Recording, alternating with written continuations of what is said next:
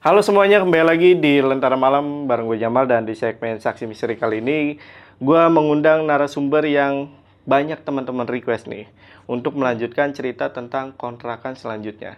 Nah, kita sapa dulu aja di sini udah ada Barara. Barara apa kabar? Ya, Alhamdulillah sehat. Oke, Barara kali ini mau melanjutkan kontrakan yang di mananya nih? Eh, kontrakan kan kemarin itu kan udah pindah tuh. Mm-mm. Ya, terakhir kan pindah terus resign kerja kan. Betul. Terus akhirnya ngekos, pindah kos dari kontrakan pindah ke kos, Oh, ini ke kosan nih? ke kosan. Eh, Di daerah eh, daerah Pasar Rebo. Pasar Rebo. Uh-uh. Oke. Tapi di daerah Pasar Rebo tuh nggak lama, cuma sebulan. Mm-mm. Karena ternyata eh, begitu di Pasar Rebo eh, tinggal kan itu kontrak eh, bukan kontrak kosan. Jadi eh, gabung satu rumah sama pemilik rumahnya. Hmm, Eh, oke, oke. Jadi kita di atas. Nah, untuk si sosok kemarin nih yang sempat ramai itu eh, si merahnya ini. Iya, ini masih si mengikuti merah. nih. Itu masih ngikut. Masih ngikut. nih? Masih ngikut. Padahal kan dia bilang kalau kita pindah dari situ dia nggak nggak akan ganggu Uh-uh, lagi kan. uh-uh. Ternyata pada saat aku pindah ke Pasar Bo itu dia masih ada. Hmm. Tapi dia nggak berani ngedekat sih memang. Nggak berani masuk rumah itu. Jadi kan di rumahnya itu kan eh, kan kos-kosannya di atas nih lantai Hmm, dua. Nah tapi kalau kita masuk ini dari garasi. Nah di garasi setelah garasi itu belakangnya ada taman, ada pohon palem. Nah dia adanya di situ. Ada di situ ya. Adanya di pohon palem itu. Oke, oke, oke. Yang penasaran gimana cerita selanjutnya? Teman-teman simak videonya sampai habis. Dan sebelum gue mulai, buat kalian yang pengen jadi narasumber juga sama seperti Mbak Rara, kalian bisa langsung aja DM ke Instagramnya Lentera Malam. Itu ada di @lentaramalam.id. Untuk linknya nanti gue taruh di deskripsi. Yaudah buat kalian yang penasaran sama cerita lengkap dari Mbak Rara, tonton video sampai habis dan tanpa basa-basi lagi. Saksi misteri. Kita mulai.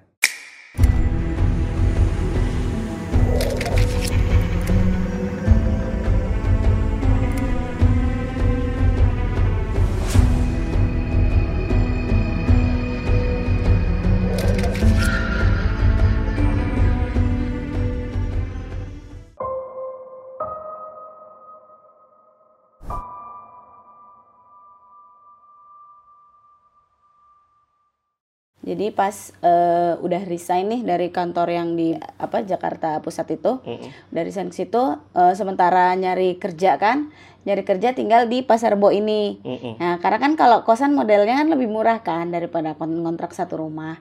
Nah, sambil tinggal di situ.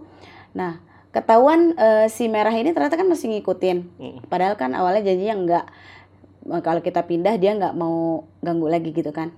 Nah, ternyata pas sudah sampai pindah ke sana, kebetulan aku tuh kamarnya di atas, eh, jendelanya madepnya ke taman Mm-mm. ke taman yang ada di belakang itu, taman samping rumahnya. Nah, terus pas aku lihat dari atas, itu baru malam pertama padahal, baru malam pertama tinggal di kosan itu. Namanya kita baru pertama kan kita sekali lihat-lihat keadaan Mm-mm. sekitar kan. Oh, kalau malam bagus juga nih ada tamannya. Nah, terus ada lampu yang nyorot ke setiap pohonnya. Mm-mm. Karena itu emang perumahan elit sih di situ gitu kan. Nah, terus pas aku ngeh, itu kok ada apa ya di bawah pohon palem itu kok kayak ada sapu. Ternyata itu rambut, Oke. rambut. Jadi tuh dia berdiri di bawah pohon itu kan aku posisinya jadi pohonnya di sini nih, kamarku di situ tuh. Mm-mm. Nah, terus aku kan ngeliat sini. Terus dia pas aku ngeliat gitu, itu kan aku makin penasaran. Terus dia langsung gini.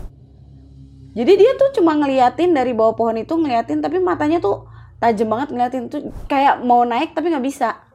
Entah gimana. Jadi kalau menurutku ya, kalau menurutku rumah itu juga ada yang jaga karena tuh rumahnya bener-bener rumah kayak rumah Jawa gitu gimana sih semua serba Oke. gebyok kayu-kayu jati kayak gitu-gitu deh jadi dia tuh mau masuk tapi nggak bisa jadi dia cuma bisa di area situ aja Mm.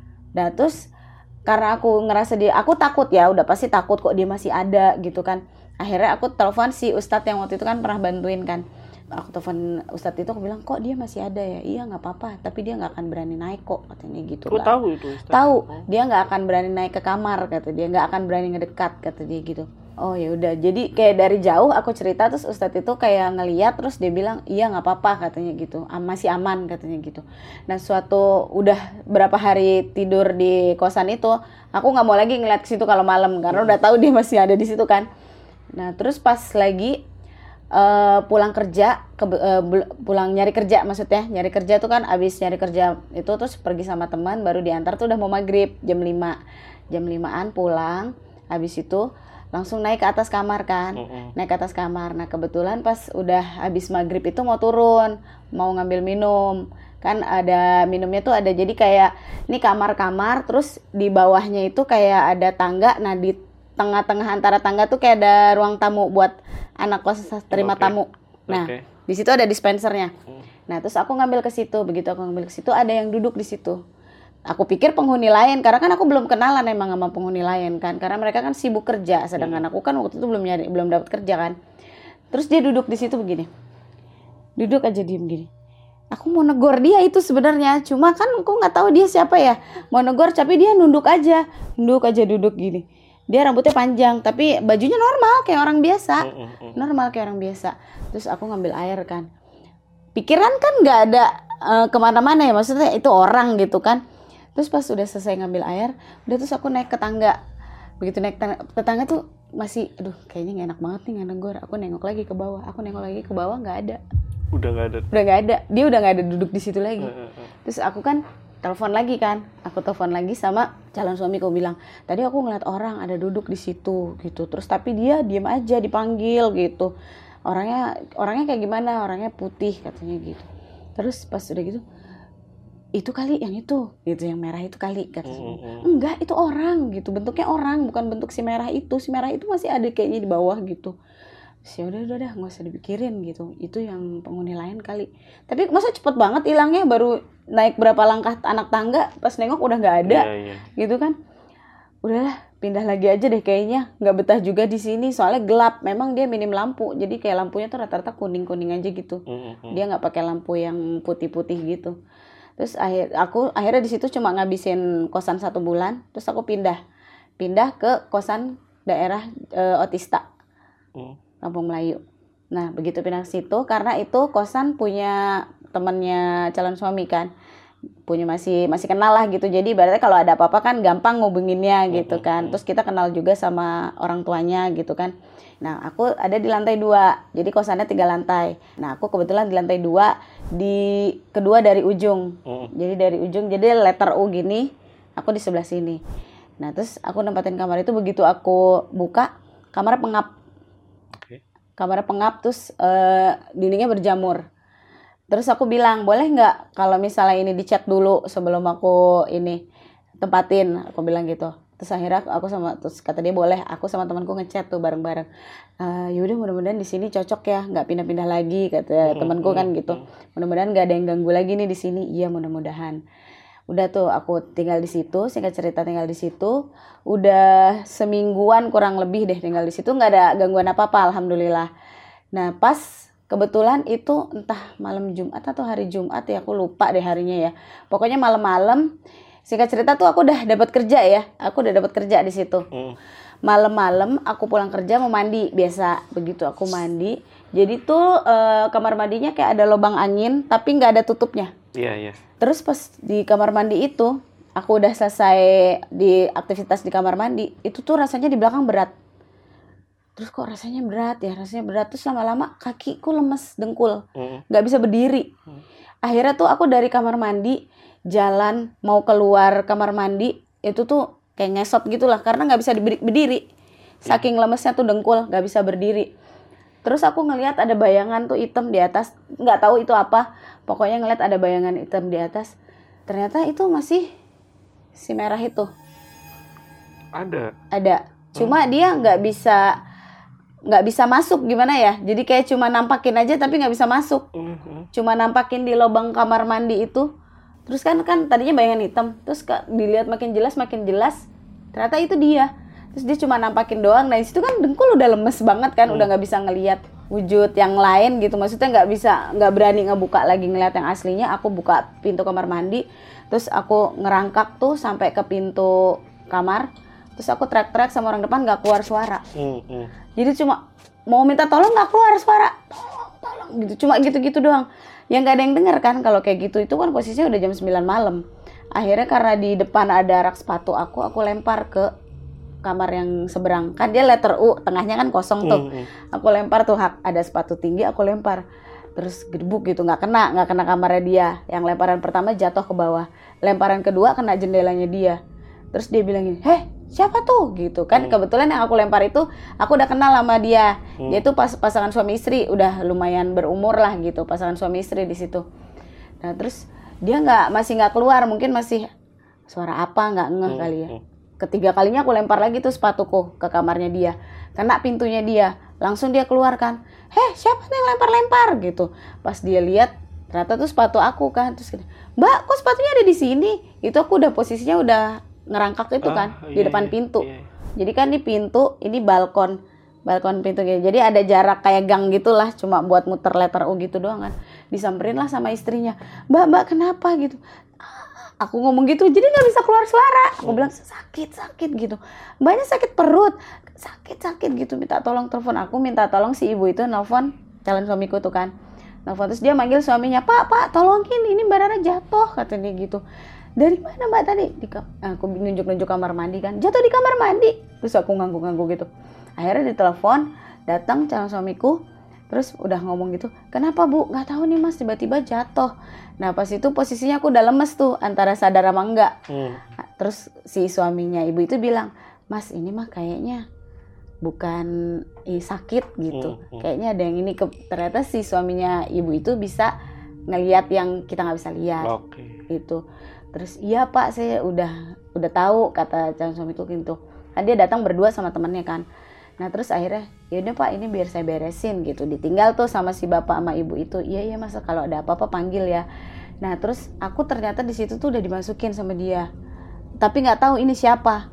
Cuma yang aku lihat di situ kan di di jendela tadi tuh jen- eh, lubang angin kamar mandi Hmm, ada si merah. Cuma di atas tuh kan ada bayangan hitam itu. Nah aku nggak tahu ini siapa yang masuk. Aku nggak ngerti. Pokoknya itu aku udah udah mungkin salah satu dari mereka kali ya masuk ke aku itu terus pas udah gitu di sama suami aku udah nggak sadar dicoba dikeluarin itu di jadi si bang I ini yang aku cerita di episode sebelumnya Oke. yang Bang I ini kan punya pegangan cincin bentuknya. Nah cincinnya dimasukin lah tuh ke jari aku. Dimasukin nggak bisa bisa masuk. Susah gitu atau Susah. nggak muat atau Buk, cincinnya gede orang dia kan aku jarinya waktu itu kan masih kurus ya jarinya masih Hmm. kecil. Dia tuh kan gede bapak-bapak kan jarinya gede Oke. nggak masuk jadi kok nggak bisa masuk masuk gitu nolak gitu terus itu yang megangin aku kan berdua si calon suami sama si bang I itu megangin aku mereka nggak kuat saking kuatnya aku padahal aku waktu itu badannya kan masih kecil lah ya masih Mm. belum kayak sekarang Mm, mm, mm. itu nggak masuk terus mereka berdua nggak kuat megangin aku Menurut kesaksian dari calon suami sama Bang I itu Mbak Rere ini pas eh, kesurupan lah ya, Mm. itu ngapain aja tuh gitu? marah-marah katanya Marah-marah. Heeh, marah-marah ngapain pada ke sini gitu Oke. dia punya saya dia bilang gitu dia punya saya Hmm. maksudnya aku tuh punya dia gitu nggak tahu dia itu siapa aku juga nggak kan nggak tahu terus karena udah dicoba dikeluarin sama ditanganin sama si bang ini nggak bisa bisa Hmm. akhirnya dibawalah lagi kita ke Bogor Hari itu juga. malam itu juga Malam itu itu, juga. kan udah jam posisi pas aku dipanggil itu kan kejadian itu jam 9-an ya Eh, Nah terus kan cewek suami itu datang udah jam 10 setengah sebelasan. Terus udah dicoba dibantuin sampai jam hampir tengah malam jam 12-an nggak keluar juga. Hmm. Akhirnya dibawa ke Bogor malam-malam tuh, tengah malam itu.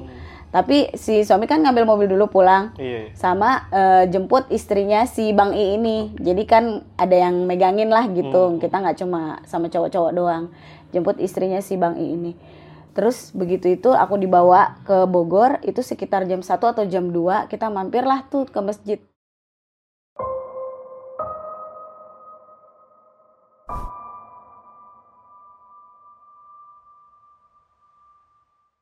Bang I sama suami sholat malam di sana, terus sambil ya kayak sama kayak kemarin itu ngambil air, Mm. ngambil air di situ, terus diusapin ke mukaku, terus sempat sadar di mobil, sempat sadar sebentar. Gak sempet masuk masjid Mbak Enggak, Rara ya? enggak, enggak bisa kan eh, posisinya masih nggak sadar, masih lemes waktu Hmm, itu. hmm. Jadi di mobil aja sama istrinya si Bang I ini. Hmm. Nah terus kita dibawa ke atas tuh ke rumah si Ustadz ini. Terus sama si Ustadz ini dibilang kan, ini bukan yang merah itu, ini lain lagi, Hmm. gitu. Jadi yang merah itu nggak bisa masuk ke situ karena itu bukan wilayahnya dia. Ini udah ada yang punya. Oke. Yang wilayah yang mungkin ya kalau manusia kayak kita nih kayak punya daerah masing-masing Iya, lah iya, gitu iya. kali ya. Jadi si merah ini nggak bisa masuk ke situ. Nah ini beda lagi. Yang hitam itu tuh beda lagi. Jadi ternyata yang hitam itu tuh ada yang ngirim. Nggak tahu siapa. Ngirim Ngirim. kayak semacam santet gitu. Ya kayak gitu. Oke. Ke Mbak Rara. Iya Langsung? ke aku. Kan waktu itu kan posisinya kan aku belum nikah kan. Jadi Iya iya iya. terus ini ada yang ngirim, ada yang mau merusak lah nih hubungan kita gitu. Sama calon suami Sama ya. salam Ah, suami. Karena itu kan tinggal berapa bulan lagi kita mau nikah. Oke. udah deket Nah, terus akhirnya karena ngerasa di situ itu tuh baru sadar sadar itu udah mau ajan subuh baru sadar Lama ya? lama. Itu aku sampai udah udah lemas banget sampai udah nggak udah per- kalau begadang nggak tidur tidur rasanya kepala kan kayak kenceng pusing. Eh. itu rasanya udah kayak gitu. Udah sakit banget kepala.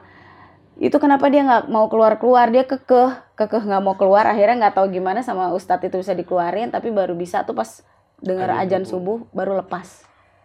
Terus akhirnya dibilang kalau bisa sih nanti baca-baca kalau mau tidur jangan ini terus hati-hati sama orang-orang baru. Kan aku baru dapat kerja kan? Hmm, hmm. baru dapat kerja hati-hati sama orang baru. Nggak semua yang dilihat baik tuh baik gitu. Oh iya tat gitu. Udah tuh kita pulang.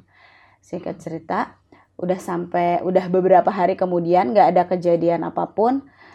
Nggak ada kejadian yang aneh-aneh lagi. Cuma kalau malam itu masih dengar suara-suara Suara apa tuh? ngetok pintu Oke. ngetok pintu kamar kosan jadi kayak minta tapi itu selalu malam nah kan kamar sebelahku kan kosong nah itu temboknya diketok-ketok kalau malam Oh gitu. Iya diketok-ketok sama Eh. dia. Heeh. Terus aku bilang, terus kan aku tanya kan, ini kamar sebelah orangnya ke mana sih? Orangnya mudik. Dia beneran nggak pulang? Enggak. Kalau malam gak ada yang nempatin, takutnya ada yang penjaga kosan masuk situ kan. Enggak lah orang dikunci sama dia. Kenapa emang? Aku diketok-ketok kau tiap malam sama yang sebelah gitu. Ah masa sih mbak? Iya. Terus kata yang bapak yang nolongin aku itu, iya mbak Rara, mbak Rara masih digangguin sama yang itu gitu. Hmm. Terus Mbak Rara sebelumnya ada dari mana sih? Kok kayaknya masih ada yang rame gitu di sini kayak masih ada yang ngikut di sini. Hmm, hmm. Sebelumnya ada kejadian apa ya? Aku ceritain yang kontrakan itu kan. Oh gitu. Si bapak itu juga nyaranin, yaudah hati-hati mbak mulai sekarang. Jangan, ja, terutama kalau lagi halangan, jangan buang sembarangan Oke. ah, pembalutnya gitu. Soalnya ngundang kata dia, ngundang Kunti suka katanya kalau gitu-gitu. Iya iya iya. Kuntilanak tuh ya. Ah, kuntilanak suka bau-bau gitu kan. Terus gue bilang, iya iya pak, singkat cerita, itu kan udah deket mau nikah ya, Hmm, hmm. udah deket tiga bulan lagi mau nikah. Nah terus kita beli rumah nih ceritanya. Jadi mau niat kita kalau misalnya kita udah nikah, kita langsung masuk rumah kita gitu. Ya. Terus kita beli rumah, kita beli rumah second karena mampunya kan beli second. Kita beli rumah second, kebetulan rumahnya juga jika rumah second tuh rumah yang model zaman dulu gitu loh, masih asli BTN. Hmm. Nah, modelnya kayak gitu. Kan kalau rumah-rumah yang zaman dulu tuh tanahnya luas tapi rumahnya kecil. Iya iya. Ya, kayak gitu. Nah, terus itu rumah kita suka karena udah harganya pertama harganya murah di luar di bawah pasaran. Kedua, eh, rumah itu udah direnovasi Hmm. sama yang ngontrak sebelumnya malah. Yang ngontrak sebelum. Jadi itu rumah dikontrakin Hmm. dikontrakin sama pedagang buah rumah itu. Terus udah deal-dealan oke, suka. Lihat-lihat dulu rumahnya kata si penjaga yang dipegangin kunci rumah itu karena yang punya asli rumah itu nggak ada di situ, orang Palembang. Terus pas saya masuk itu semua barang masih ada, Bang. Barang-barang. Barang-barangnya dia masih komplit. Sampai lemari dia tuh masih penuh baju-bajunya. Hmm. Baju-baju dia di lemari masih penuh. nggak ada yang dibawa sama sekali barangnya. Aneh gak? Im- Semua Iya, iya, barang-barangnya. Dan barang-barang furniture-nya tuh semua eh, yang bagus-bagus. Gak ada yang jelek. Zaman itu kan eh, vacuum cleaner tuh masih termasuk barang mewah ya. Itu masih ditinggal di situ. Ditinggal semua. Jadi dia pergi cuma bawa baju yang dia pakai Oh. sama bawa mobilnya aja. Oke. Ditinggal pergi itu rumah, nggak tahu kenapa. Si yang yang dipercaya megang kunci itu juga bingung. Tapi kan sebelumnya dikontrakin. Iya itu dikontrakin sama tukang buah. Oh ya si tukang buahnya ini yang Eh, eh, ninggalin. tukang Oke, buah oke. itu ninggalin rumah yang dia kontrakin gitu Oh, aja. iya iya iya. Padahal usaha dia buah di depan perumahan itu kan ada ruko-ruko. Hmm. Usaha buahnya tuh rame terus. Hmm. Nggak tahu kenapa dia ninggalin rumah itu gitu aja. Oke. Terus kan jadi pertanyaan kan buat kita. Iya iya iya. Ini kok barangnya bagus-bagus ditinggal gitu aja. Terus saya tanya kan sama pemilik rumahnya, Bu ini barang-barangnya gimana? Ambil aja mbak, nggak apa-apa. Bagi dua aja sama yang jaga itu yang disuruh megang kunci rumah kan, yang ju- bantu jualin. bagi dua aja sama ibu itu barangnya mbak mau ngambil yang mana sisanya kasih ibu itu Hmm. nah kebetulan waktu itu kita belum punya sofa kan kita ambil sofanya memang barangnya dia semuanya masih bagus dan masih baru Hmm. terus ditinggal begitu aja kan nah terus pas saya ya udah nih kita bagi dua nih sama ibu ini. Kita beres-beres yuk bu. Kita Hmm. beres-beres kan sebelum ditempatin. Itu kira-kira udah eh, satu bulanan lagi mau nikah lah. Kita beres-beres dulu. Jadi habis nikah kan langsung masuk. Begitu beres-beres aku nemuin banyak tulisan-tulisan yang kayak tulisan Arab tapi kayak bukan Arab. Gimana ya? Nggak ada ininya ya. nggak ada kayak Arab gundul gitu. Arab gundul Ah, ya. kayak Arab gundul gitu. Terus ada gambar-gambarnya jadi misalnya nih gambar dia gambar nih misalnya ada gambar pedang Hmm. terus abis itu ada Arab-Arabnya dan itu disedia di setiap kamar ada Gede gitu atau gimana? sih? enggak ditempelin misalnya ditempelin di balik pintu Heeh. terus ditaruh dilipet-lipet digulung-gulung jadi kotak terus ditaruh di lubang angin Itu banyak itu. banyak Oke. Terus itu kan ada kamarnya ada tiga ya. Jadi ada satu garasi dipakai buat kamar juga. Itu kamar yang paling gede jadi kamar utama. Itu kamar yang aku tempatin. Itu ada satu ke dia kan ada anak kecil sama punya anak gede kalau nggak salah. Nah anak yang gede itu nempatin kamar yang depan. Hmm. Nah ada kamar yang di belakang itu kayaknya nggak ditempatin. Soalnya nggak ada tempat tidurnya. Hmm. Cuma barang-barang aja. Nah itu tuh banyak tulisan-tulisan gitu. Yang menurut Mbak Rara aneh, gambarnya gambar apa Mbak? Gambar kayak pedang-pedang gitu ya ya. Pedang ya.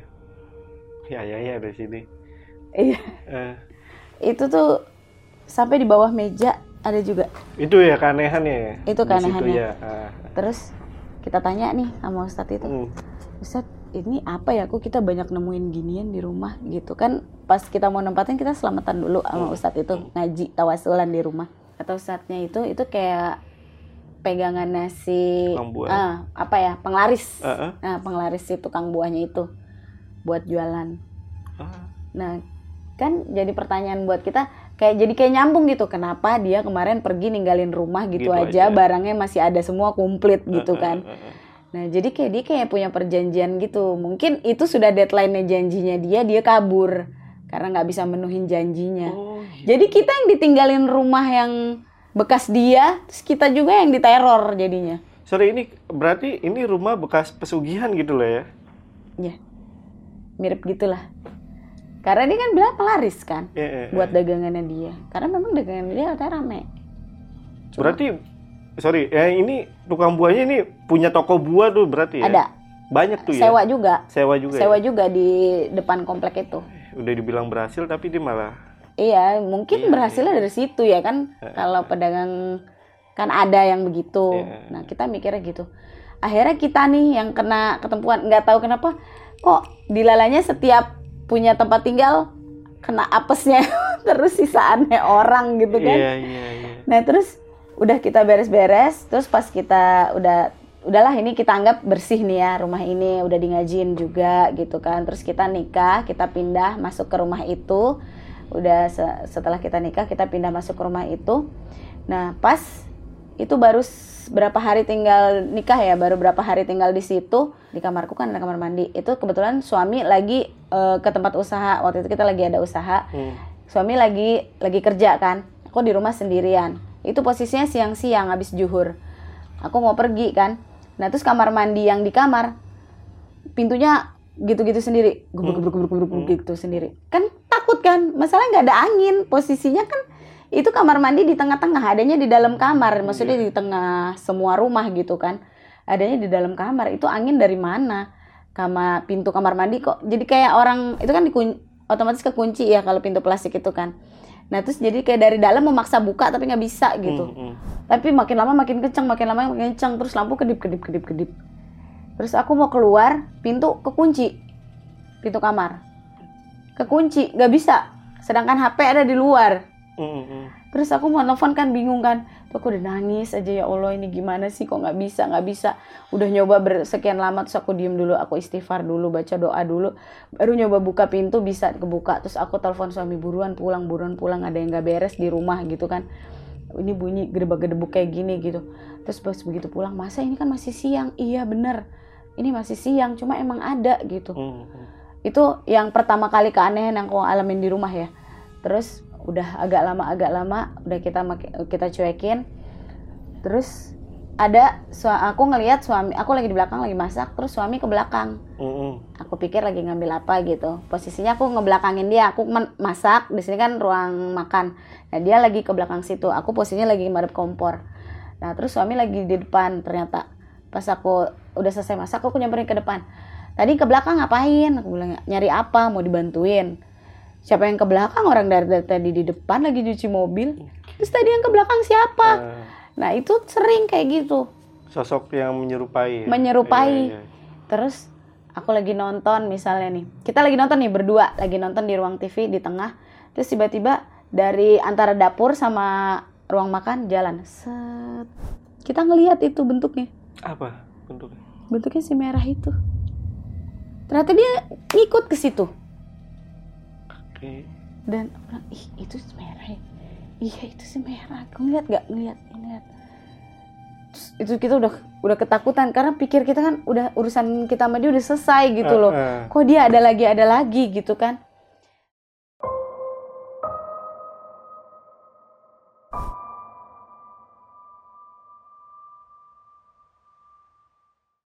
nggak lama aku hamil kan terus punya anak. Anakku juga begitu lahir sama bisa ngelihat apa yang aku lihat. Anak ini. anak- dia anaknya. Iya. begitu Ya, dia udah bisa jalan ya begitu dia udah bisa jalan. Kalau waktu masih bayi ya biasa lah rewel-rewel bayi. Aku pikir itu biasa. Kita ngehnya tuh begitu dia udah bisa jalan udah bisa ngomong. Dia main sendiri.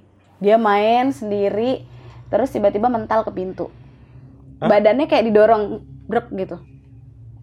Tiba-tiba dia grek gini ke pintu jatuh kan kita kaget ya. Dia main di dapur waktu itu. Kan dapur kayak dari sini ke Mbak Rara itu dapur di situ TV kan di sini. Kenapa bang? Apa? Aku didorong sama dia kata dia gitu. Dia siapa? Itu kan dari tadi aku main sama dia. Katanya gitu. Aku di situ makin takut karena kenapa sih mesti ganggu anak-anak gitu Eh, loh? Kan yang punya urusan kan aku gitu. Maksudnya kalau emang dia masih ada yang itu ya ganggunya kita aja yang dewasa dewasa anak-anak diganggu. Hmm. terus dia berteman sama si yang dia nggak bisa lihat itu. Jadi ternyata itu di rumah nggak cuma nggak cuma si merah itu aja.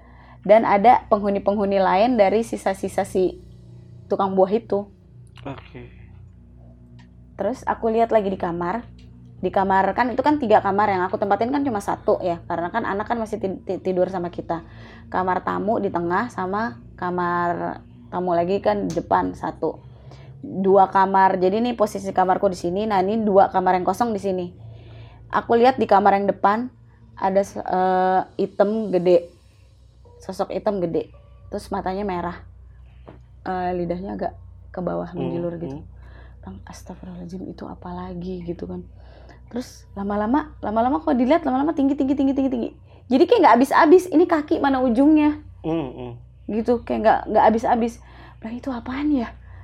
Itu apaan? Terus akhirnya kita buru-buru telepon si ustadz itu kan ustadz itu tadi saya ngeliat gini gini gini. Itu punyanya si yang tukang buah itu. Berarti belum pergi itu ya? belum pergi masih di situ. Ternyata ada yang ditanam di rumah itu. Oh, Ditanam. padahal udah di adain pengajian. Udah, udah diajain adain pengajian kita bareng-bareng.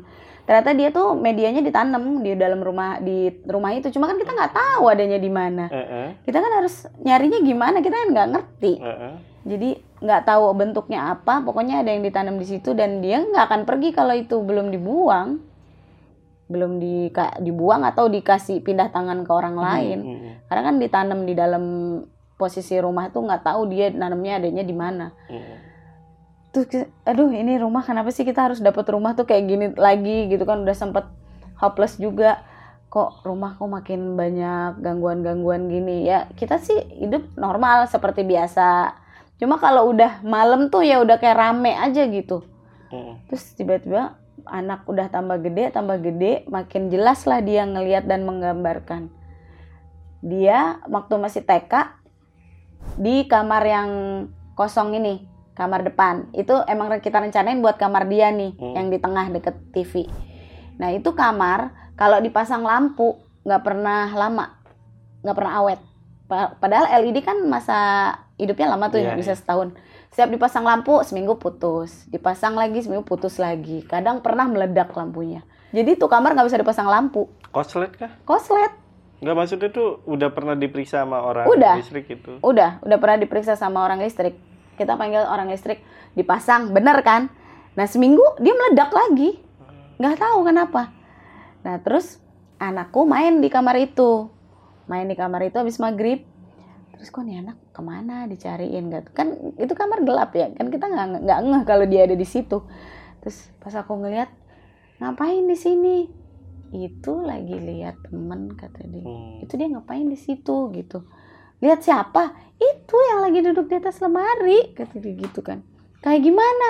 Dia kan lagi seneng gambar ya. Masih TK kan seneng gambar tuh. Hmm. sama dia digambarin. Ternyata itu guling. Pocong. ya dia gambar. Jadi posisi ini lemari. Dia duduk di atas kakinya eh, ini gelantung di bawah gitu. Duduk di atas gelantung di bawah. Posisinya kayak gitu. Dia gambar. Terus kamu nggak takut? Enggak cuma dia ada bedala. Kasihan deh katanya gitu nah, dia kan masih TK kan masih polos banget. Nggak mungkin anak TK bohong kan? Dia ngegambar kayak gitu. Kok aku ngerasa ini kok makin lama makin ngeganggu. Tapi kita mau gimana? Ini kita udah nggak bisa pindah-pindah lagi. Nih kan kita udah beli rumah ini gitu kan? Bukan yang ngekos ngontrak bisa pindah kapan aja. Paling nggak kan kita harusnya ngeberesin rumah itu kan? Terus pas pernah suatu saat aku lagi masak itu siang loh posisinya aku kan cuma berdua di rumah aku lagi masak terus dia dari TV nyamperin ke rum ke dapur. Bunda bunda sini kenalin ini temen aku gitu. Siapa? Ini gitu. Mana bunda nggak lihat siapa siapa itu aku udah panik kan. Mana sih bang? Ini nih nih kamu sini. Kayak gimana coba orangnya? Kasih tahu bunda bentuknya. Nggak pakai baju palanya botak katanya.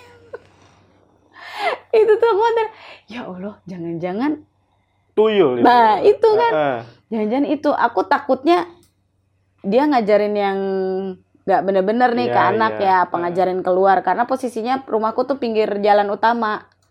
Jalan utama komplet kan banyak lalu lalang mobil kan. Aku takutnya diajarin keluar atau diajarin main yang berbahaya apa main kompor atau main apa. Iya, iya. gitu kan. Bilang temennya abang kayak gimana? Iya itu. Dan itu dia temenan sampai lama. Sampai lama itu. sampai lama Harusnya disuruh ini, tuyul itu nyari Suruh nyari duit iya. ya? Aku mau jajan nih, cari duit dong. gitu. Ya, makanya kalau dia mau duit nggak apa-apa main ya iya, eh, kalau nggak bodoh nggak usah deh gitu, nggak usah ke rumah aku. nggak usah ke rumah aku ya Eh, jelek kamu gitu. kamu syuting aja gitu ya Kamu jelek buat aku ya. terus dia bilang gitu kan nah kalau kita pergi itu dia ikut sampai dikasih nama sama dia namanya eh, bang si ini abling namanya dia bilang Hah? abling ya bang waktu itu namanya abling namanya abling si abling ikut ikut nih ada duduk di sini gitu udah bang bilang nggak usah ikut nanti cariin ibunya loh gitu Mm-mm. jadi namanya anak kecil kan kita Ibunya botak juga ya. enggak sih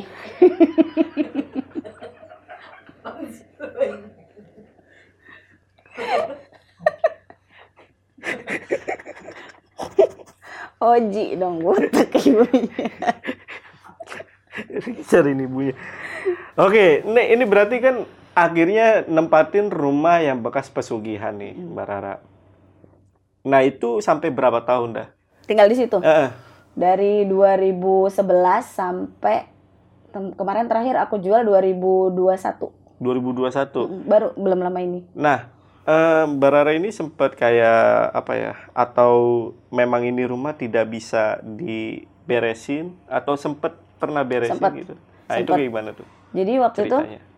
Aku kesurupan malam-malam Mm-mm. di kamar tuh. Lagi tidur, posisinya lagi tidur.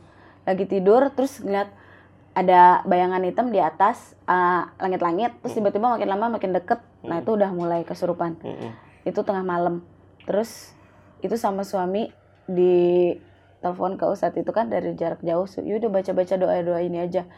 Itu sampai pegal terus hilang gitu kan kesurupan terus dibacain doa-doa terus hilang kayak gitu.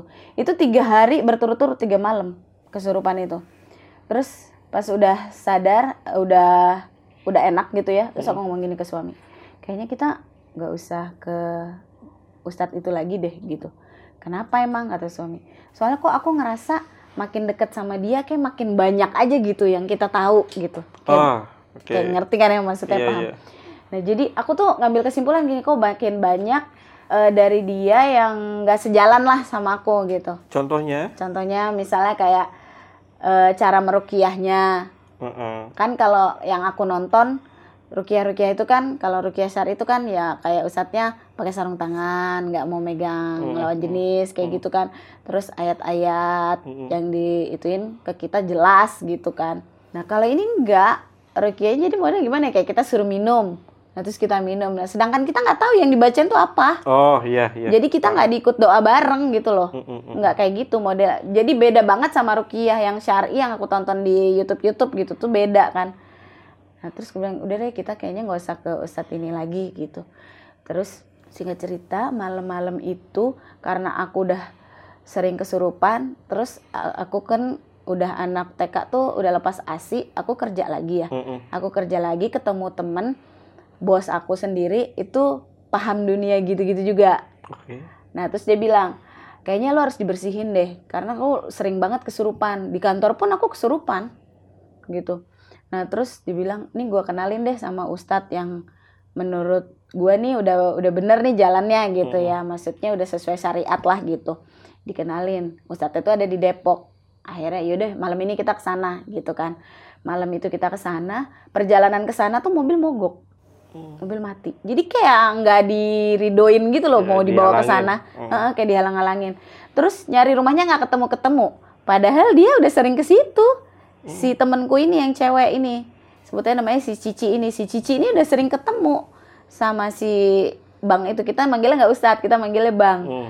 Nah, si udah sering ketemu nih sama si Bang Jul ini.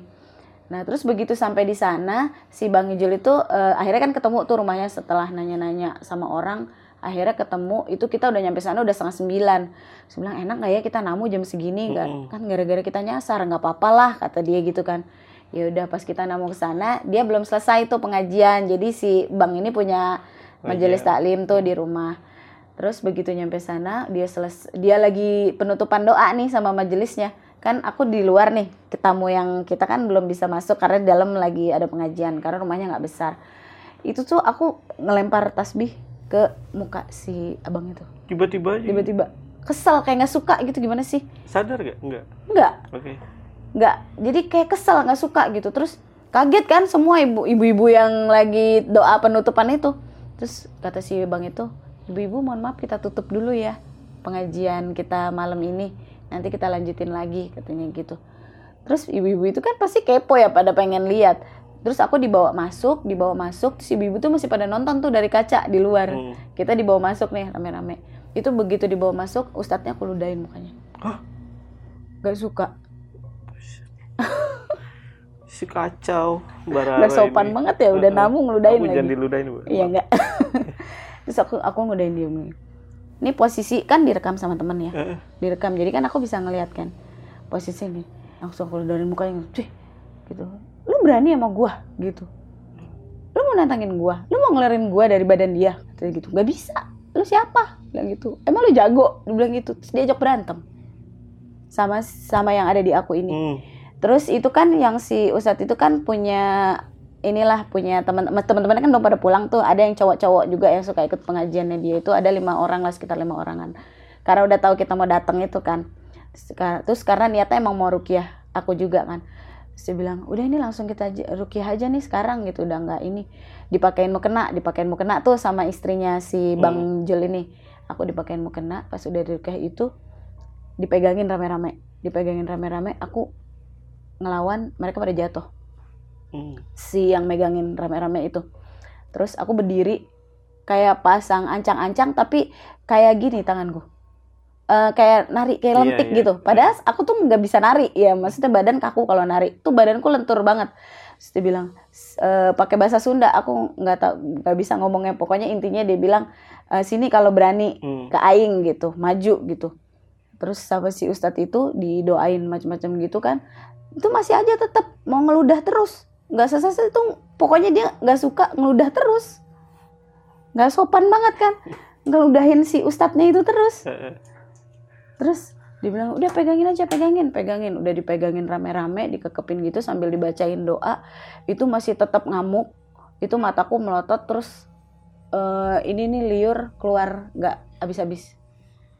Liur tuh tuh aku udah posisinya udah gitu. Udah jangan keluarin gitu. Jangan keluarin gitu kan. Udah ngelawan macem-macem. Itu satu jam lebih baru keluar. Sampai satu jam tuh ya. sampai satu jam. Terus si bang Gil ini bilang gini sebelumnya pernah belajar di mana? Aku nggak ngerti ya maksudnya gimana sebelumnya pernah belajar di mana? Enggak nggak pernah belajar. Maksudnya gimana bang? Gitu.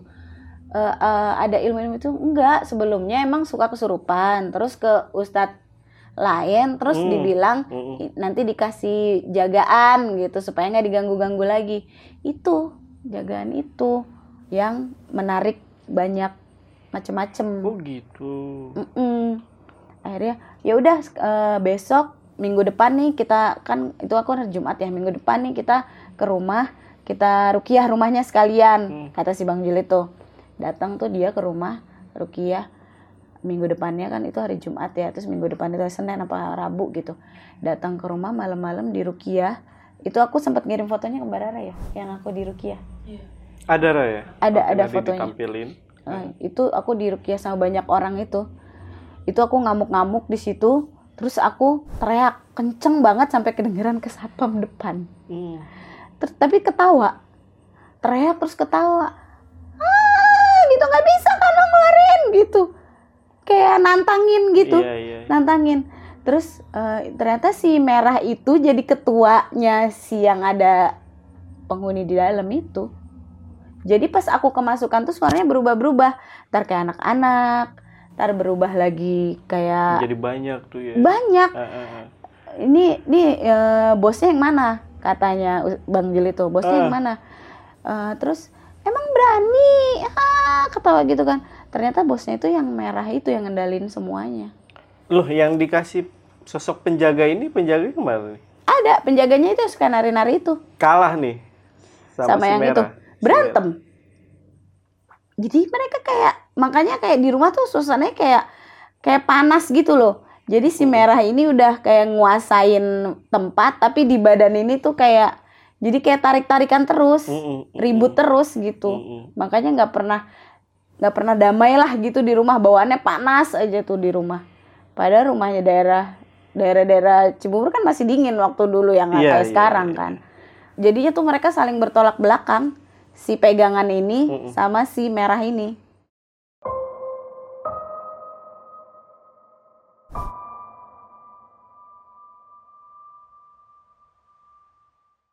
Itu Mbak Rara pada saat eh, lagi di posisi itu ya, Hmm. itu bawaannya gimana, Mbak?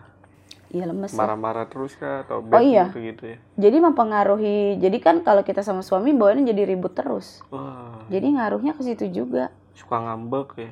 Iya, suka ngambek. Suka marah-marah terutama kalau belum dikasih duit Ini ya. Rara suka ngambek. ya. Aku takutnya kesurupan nih dia. Jangan sampai.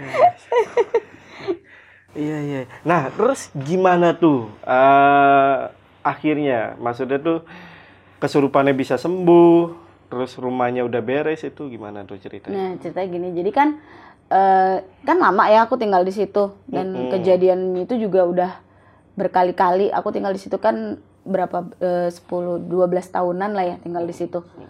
Nah, terus akhirnya setelah lama-lama gitu karena aku sama Bang Jo eh, sama si Cici ini yang bawa aku ke Bang Hmm. Jul itu udah lose kontak karena aku kan udah kerja terus aku resign. Aku kerja tiga tahun di situ di sama si Oh, oke. Cici ini dari 2014 kalau nggak salah ya pas dia TK 2014 sampai 2017 tiga tahunan deh aku kerja di situ resign Sorry, berarti dari yang eh, diobatin sama Bang Zul ini Heeh. eh, ada pengaruhnya gak gitu? ada sih Apa tuh? ada jadi pas aku di Rukiah sama Bang Jul itu si eh, yang ada di rumah itu Hmm. yang pesugihan itu Hmm. itu bersih Oh bersih itu.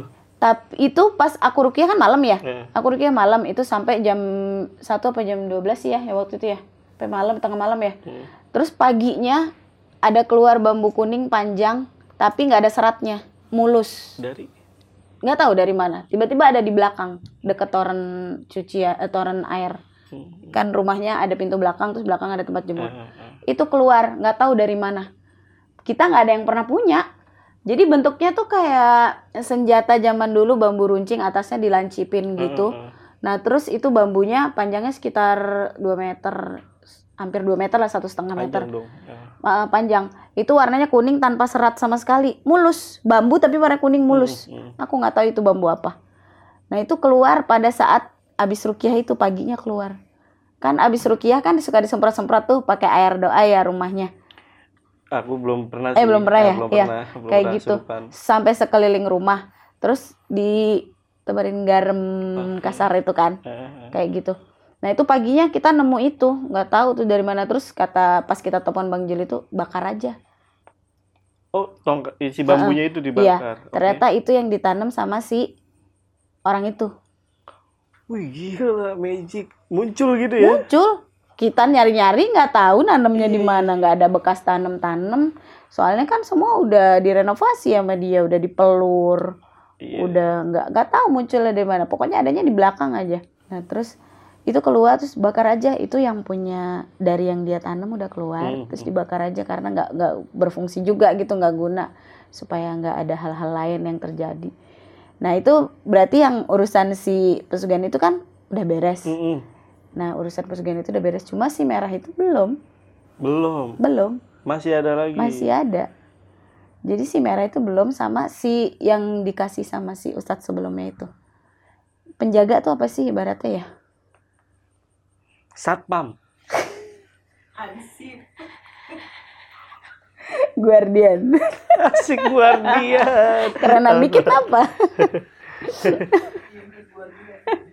Oh, jadi si Kodam ya sebutannya Hmm. ya. Kodam ini dan si merah ini masih ada. Mm-mm. Jadi Nah. yang dibuang yang itu aja. Oke.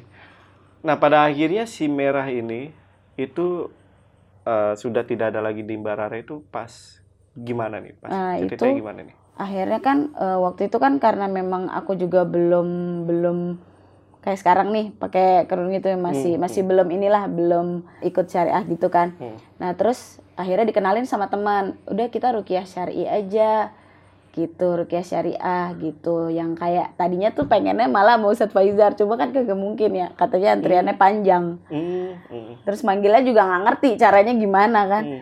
ah terus dibilang ada kok di daerah Cibubur juga katanya gitu itu bisa dipanggil ke rumah jadi rumahnya sekalian di rukiah Oh, gitu. Mm-mm. Oke.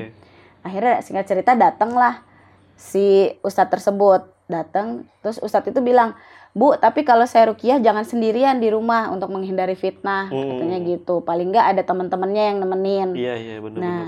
di situ aku udah masuk logika lah ya Mm-mm. ini rukiahnya syari nih gitu karena kar- kalau dilihat dari yang ke belakang-belakang tuh jadi pelajaran buat aku. Jadi Hmm. rukiah tuh jangan sembarangan rukiah gitu loh. Nggak semua orang sesuai syariat. Ada juga yang Oke. cuma manfaatin Bener ya kan? kan. ada juga yang memang cari cuan kan gitu kan? Nah terus udah datang ustadz itu kita janjian jam 2 ustadz itu datang jam 2 dibersihin lah kita. Terus si ustadz itu bilang saya nggak mau pakai perjanjian-perjanjian. Kamu saya lebih mulia daripada kamu. Kamu keluar kata si ustadz itu. Hmm. keluar gitu. Nggak mau dibilang tetap nggak mau. Balik ke tempat asalmu. Kamu tempatmu bukan di sini. Kalau nggak saya bakar kamu. Tadi gitu. Hmm, itu kan sama temanku direkam ya. Hmm. itu sampai dikirimin ke saudara-saudara kan pada ngeliat. Kalau nggak saya bakar tempat kan aku ngeliat di yang apa rukiah syari yang lain juga sama tuh kayak gitu. Kalau nggak saya bakar saya bakar gitu kan. Terus dibacain doa-doa rukiah. Kan kita kan kalau rukiah disuruh ada air minumnya juga yang Hmm. sambil doa di rukiah ya. Nah itu dibakar itu terus di jinnya itu dimasukin Islam. Yang si Kodam itu? Iya. Dimasukin? Dimasukin Islam. Masuk Islam syahadat. Takut gak sama Allah dibilang gitu. Awalnya dia bilang nggak takut ini ngomong ini mediasi tetap dari Aku. Barara ya? Oh, Iya, yang iya, kesurupan tuh aku iya. Eh, eh. terus itu tuh aku posisi pas lagi di mediasi tuh posisinya eh, ini ngeces terus jadi ngomongnya gini lidahnya sambil ngejulur-julur Iya, gitu iya, iya. karena posisinya si merah itu kan juga gitu sama lidahnya Hmm. ngejulur-julur juga nah terus dibilang "Eh, kamu masuk Islam mau nggak gitu kalau nggak saya bakar katanya gitu kan ustadz itu pergi dari sini. Saya pindahin ke masjid situ ya, kan dekat rumah ada masjid. Saya pindahin ke masjid situ ya. Kamu pindah aja ke masjid situ, kata gitu. Biar sering sholat. Biar sering sholat. Disuruh. Terus pas di itu saya suruh ngucap syahadat, tapi di, di- kan masih kemasukan tuh Eh, eh. ngucap syahadat. Akhirnya lama-lama dituntun, dituntun bisa ngucap syahadat itu rukiah dari jam 2 siang baru selesai jam 8 ma setengah 9 malam. Lama tuh ya. lama susah jadi dibilang kan ditanya rajanya siapa di sini? Ya itu dia rajanya. Disuruh tobat disuruh kalau nggak mau tobat saya bakar. Kalau kamu mau tobat kamu ucap syahadat. Akhirnya bisa syahadat. Sampai suami udah pulang kerja tuh kan karena aku ditemenin sama teman-teman Hmm. sampai suami udah pulang kerja itu baru baru belum selesai juga. Belum selesai Mas. belum selesai. Sampai suami kan aku ditemenin sama teman-teman nih cewek-cewek. Suaminya teman-teman sampai pada datang juga itu belum selesai. Ya itu selesainya baru jam 8 Emang sebelumnya si Jin ini agamanya apa dulunya, Mbak? nggak tahu ya nggak nanya Ibu, ini penasaran gua aja ya. Penasaran kan, Ra? Sama kan? Iya. Berarti ini si merah dan si kodam ini ya. Ini ibaratnya ditobatin sama ditobatin Ustadz. si merahnya awalnya nggak mau yang paling nggak mau Ya, tuh pastilah. eh. iya nggak mau kalau yang si Odam itu mau dia yang duluan Oh, malah yang Yang agak duluan. agak agak gampang Uh-uh. gitu ya. Uh-uh, maksudnya nggak dibilang gampang juga nggak cuma dia yang menyerah duluan gitu nah si merah ini nggak mau dipaksa terus dipaksa terus tapi mereka tuh kan juga namanya setan ya Mm, mm, mm. kan suka bohong kan Mm, mm. Iya ngucap syahadat kan lain di mulut lain di hati kita kan Iya, nggak iya, tahu iya. kan. Eh, Nah menurut si Ustadz ini si merah ini akhirnya pergi aja, Pergi dia. pergi aja. Oh, udah dia ngucap tapi udah pergi. ngucap tapi dia pergi. Kalau yang itu dia dibilang kamu pindah ke masjid itu ya. Kalau yang si Hodam itu, Hmm. kamu pindah jangan di, di sini lagi. Kamu pindah ke masjid itu. Dia pindah ke masjid itu. Dia mau iya dia saya mau pindah ke sana. Tapi kalau si Kunti itu kayak ngeledek, mau ngucap tapi kayak gimana ya? Kayak Iya, iya. ngeledek gitu loh. Eh, eh, eh. Ngucap tapi kayak ngeledek. Hmm. Kayak ah gua nggak bisa nih, gua nggak bisa gitu. Ya itu apa sifat munafik munafik Iya, ya keluar. munafikun. Ah, ah. Kayak gitu. Gue ngerti agama. Munafik. Al munafikun. Masya Allah. Masya Allah, tabarakallah. Aku penasaran nih Mbak, Eh, kodamnya ini sosoknya kayak gimana sih Mbak sebenarnya? Kalau yang si merah kan pasti kuntilanak merah nih. Heeh. Kalau yang kodam ini Perempuan, perempuan. perempuan cantik. Heeh, Kalau nggak marah cantik, tapi Heeh. kalau marah enggak. heeh. Semua juga gitu Iya. perempuan. eh. Terus pakai baju adat. Pakai baju adat. Iya. Nah tadi kan Mbak Rara sempat bilang kalau si Ustadznya ini, yang terakhir ini ya, Hmm. itu bisa merukiah rumah juga nih. Mm-mm. Itu dibersihin juga rumahnya. Dibersihin. Memang masih ada sisa-sisanya. Kan Masih, pada saat kan padahal udah di apa ya bambu yang itu tuh udah Ah, dibakar. iya, itu yang sama Bang Jul itu. Iya, Bang Jul itu. yang uh, rukiah ke terakhir itu kan sama Ustadz rukiah yang syari itu. Mm-mm. Beda orang kan. Ah, ah, ah. Jadi ada tiga perukiah itu kan. Sampai akhirnya bener-bener bersih tuh. sampai akhirnya benar-benar bersih tapi dia eh, Ustadz itu pesan jangan jangan sekali-kali lagi kalau dengar bisikan-bisikan ditanggepin apa anggap aja kayak langsung istighfar jikir anggap aja nggak kayak nggak ada nah terus disaranin habis rukiah itu harusnya selama tiga bulan itu kalau mau tidur baca bacaan yang dia kasih tuh kayak jikir Mm-mm. jikiran terus baca ayat kursi Mm-mm. ada baca-bacaan yang dia kasih dan itu harus diterapkan tuh selama Diamalkan. tiga- eh, diamalkan karena dia kan masih ada di sekeliling situ namanya Mm-mm. iblis kan suka ingkar kan Bener, namanya bener, setan bener. suka ingkar Mm. Takutnya dia bilang iya dia pergi totonya dia balik lagi Mm-mm. namanya manusia juga kadang hatinya kan keimanan manusia kan naik turun takutnya pas saat kita turun dia masuk Iya bener. pengalaman ya Bener ya.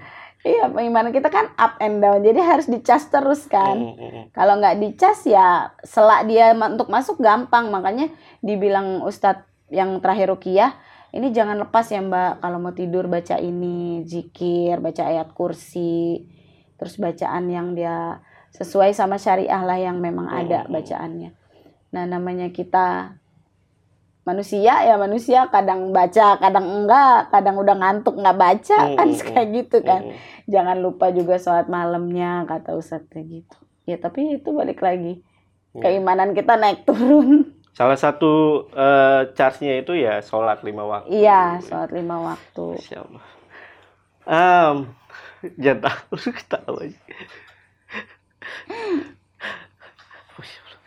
Tadi eh, tadi Mbak Rara ini sempat bilang nih kalau bener juga sih kalau makhluk halus itu emang kan suka ingkar ya. Mm-mm.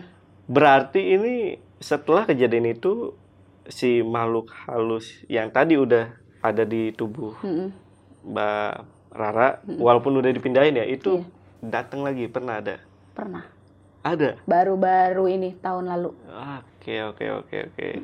Berarti next mungkin kalau Mbak Rara mau kita undang lagi, teman-teman komen dan eh, Mbak Rara cerita yang selanjutnya yang soal Iya. dia balik lagi nih ya. Ini Tapi yang sosok merah yang mana? udah nggak itu ya. Apa? Yang merah udah Merah udah bener-bener sudah bersih, udah udah udah lepas, kabur ya, udah pergi ya. mungkin dia udah lari tunggang lagi kan Iya, iya, sama iya. ayat-ayat yang Ini berarti dibaca. yang sosok yang kodam itu. Hodam itu karena kalau hodam itu kan memang waktu ditan kayak gimana ya? Kayak jadi satu sama kita.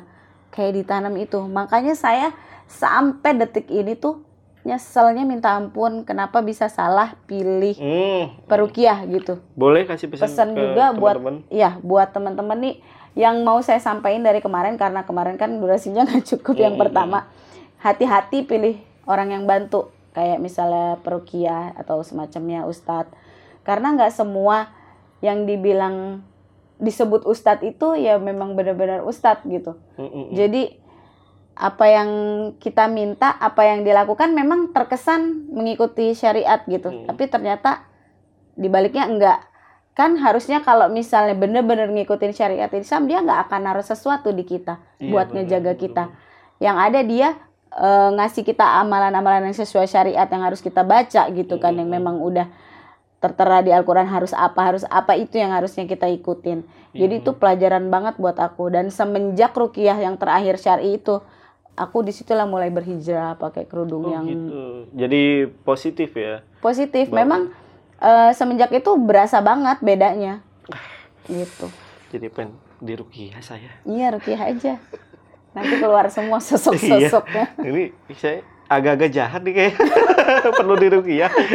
Oke, eh, mungkin untuk video kali ini gue rasa cukup buat teman-teman yang pengen tanya eh, tentang soal lokasi Rukiah atau apa nih kalau dikasih ya Mbak Rara ya langsung aja DM ke Oh kalau rukiah yang syar'i insya Allah mah dikasih, Dikasih karena ya. memang itu bagus buat Oke, oke. kita gitu. Eh, Nanti linknya nanti gue taruh di deskripsi. Eh, video ini gue tutup. Gue Jamal dari Lentar Malam dan Rara izin pamit. Bye.